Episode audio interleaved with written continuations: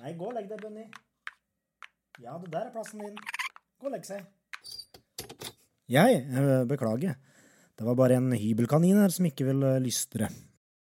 God søndag nok en gang, og takk for at du velger å høre på racerbrevene mine denne gangen òg. Denne helga her er en liten milepæl, for nå har jeg faktisk vært her akkurat én måned. En måned som har gått utrolig fort. Det er litt pussig. De første ukene her har egentlig føltes som en lang ferietur, med veldig mange inntrykk og ting å sette seg inn i. Så det er egentlig først nå at jeg føler at jeg bor her, sånn på ordentlig. Jeg skal innrømme at hemmelengselen har tatt meg litt i det siste. Savnet etter gode kamerater og familie, lukta av frisk furuskog og den milde alvdalslufta merkes.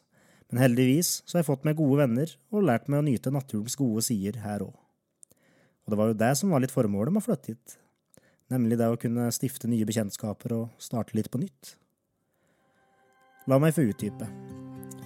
Jeg hadde det som plommen i egget hjemme i Alvdal, og elska livet mitt der, og ville ikke ha bytta det ut for noe annet i hele verden. Likevel så følte jeg på en følelse av stagnasjon, en tomhet.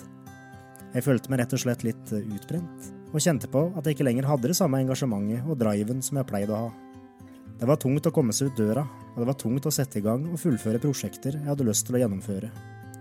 Og jeg har jo lyst til å skape og få til ting hele tida. Det kan være tvega sverd.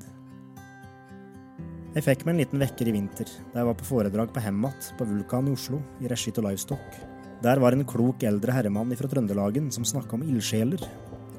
Det var særlig én ting som han sa som traff meg noe voldsomt. At når en ildsjel først brenner ut, så kan den slukkes for evig. Så for min del ble Hemmat, som skulle være ei saftig gulrot for å lokke folk fra distriktet Hemmat, det stikk motsatte. Jeg måtte bort for en periode, før ei ble den ildsjela som han ikke kunne få fyr på igjen. Det er jo ikke noe jeg heller vil enn å kunne være med å utvikle Alvdal gjennom mine styrker, perspektiv og fiffige ideer. Jeg legger fryktelig mye prestisje og stolthet i alt jeg gjør, og søker hele tida etter å utvikle meg sjøl og utvide min kunstneriske horisont. Det koster enormt mye. Og man blir hele tida redd for at man skal skuffe, og at eh, ting ikke er bra nok. Og akkurat det her er nok både min største styrke og største hemsko. Så sjøl om det av og til kjennes vondt å ha forlatt Alvdal, så var dette noe jeg bare måtte gjøre. Og like sikkert som at snøen legger seg på Trontoppen i oktober hvert år, så er det like sikkert at jeg kommer hjem igjen til den kjære bygda mi en dag. Fullt av skaperlyst, livsgnist og overskudd. Sånn, der var dagens lille andakt. Men åssen har uka vært, da? Uka starta med at jeg var på min aller første korøvelse oppe her. Kor er egentlig noe jeg har litt i vrangstrupen, etter å ha hatt det jevnlig på musikklinja og gjennom folkehøyskole. Jeg har egentlig ikke tålmodighet til all ventinga og den nitidige terpinga. Men motivasjonen denne gangen var rett og slett for å bli kjent med likesinnede og få dyrke musikkinteressa mi. Og ja, jeg har sært meg en godt. Her blir det rom både for arrangering og musisering. Koret skal ha en storstilt konsert sammen med et stort band i februar, med filmmusikk på repertoaret. Noe som er helt i min gate. Så jeg håper å få brukt både arrangeringskunnskapene mine og få være med i bandet, og samt synge litt solo. Koret er et blanda kor med det fengende navnet Kullstrupene. I fjor hadde de vært rundt ti stykker bare, men etter en meget storstilt operakonsert i fjor har medlemstallet økt betraktelig. Nå er vi 40 stykker i alle aldre, og det har rekruttert mange yngre, og særlig fra folkehøyskolen oppe her. Så dette blir morsomt. En av rekkekameratene mine i tenorgruppa kjente også til en kar som jeg kjenner veldig godt, nemlig Jon Ola Kjøllaug. Sønnen til denne karen hadde nemlig studert sammen med Jon Ola i Harstad, så verden er ikke større her enn andre plasser i verden. Det har òg vært noen gullkorn fra barnehagen denne uka.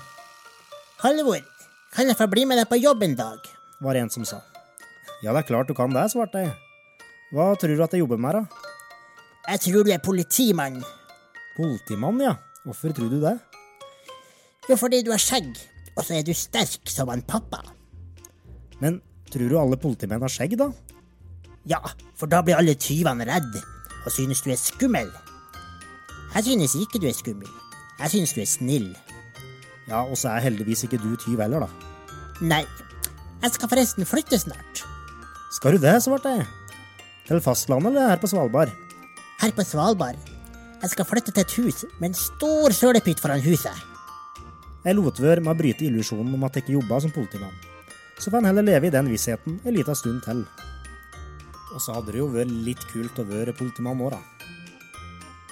Denne uka traff jeg òg min første sambygding oppe her, og det var vanvittig trivelig.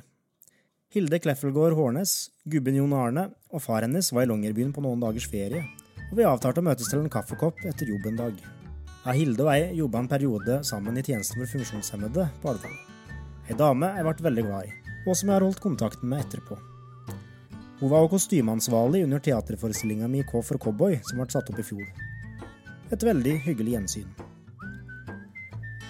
På fredag etter jobb ble det en tur til Svalbard bryggeri på ølsmaking sammen med Sekserbanden, den nye kompisgjengen.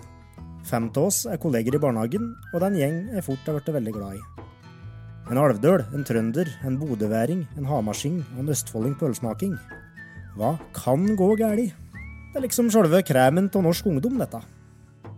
Sistemann i sekstetten, svensken, var lur å holde seg hjemme. Den eldste av oss, hamarsingen Henrik, har for øvrig ei mor som er fra Rendalen, og heter Vardnær til etternavn. Så nok et bevis på at verden ikke er så stor. Etter ølsmaking og utallige runder med boms og president, tok vi en tur opp til Funken, som er en av Longyearbyens mer fasjonable restauranter.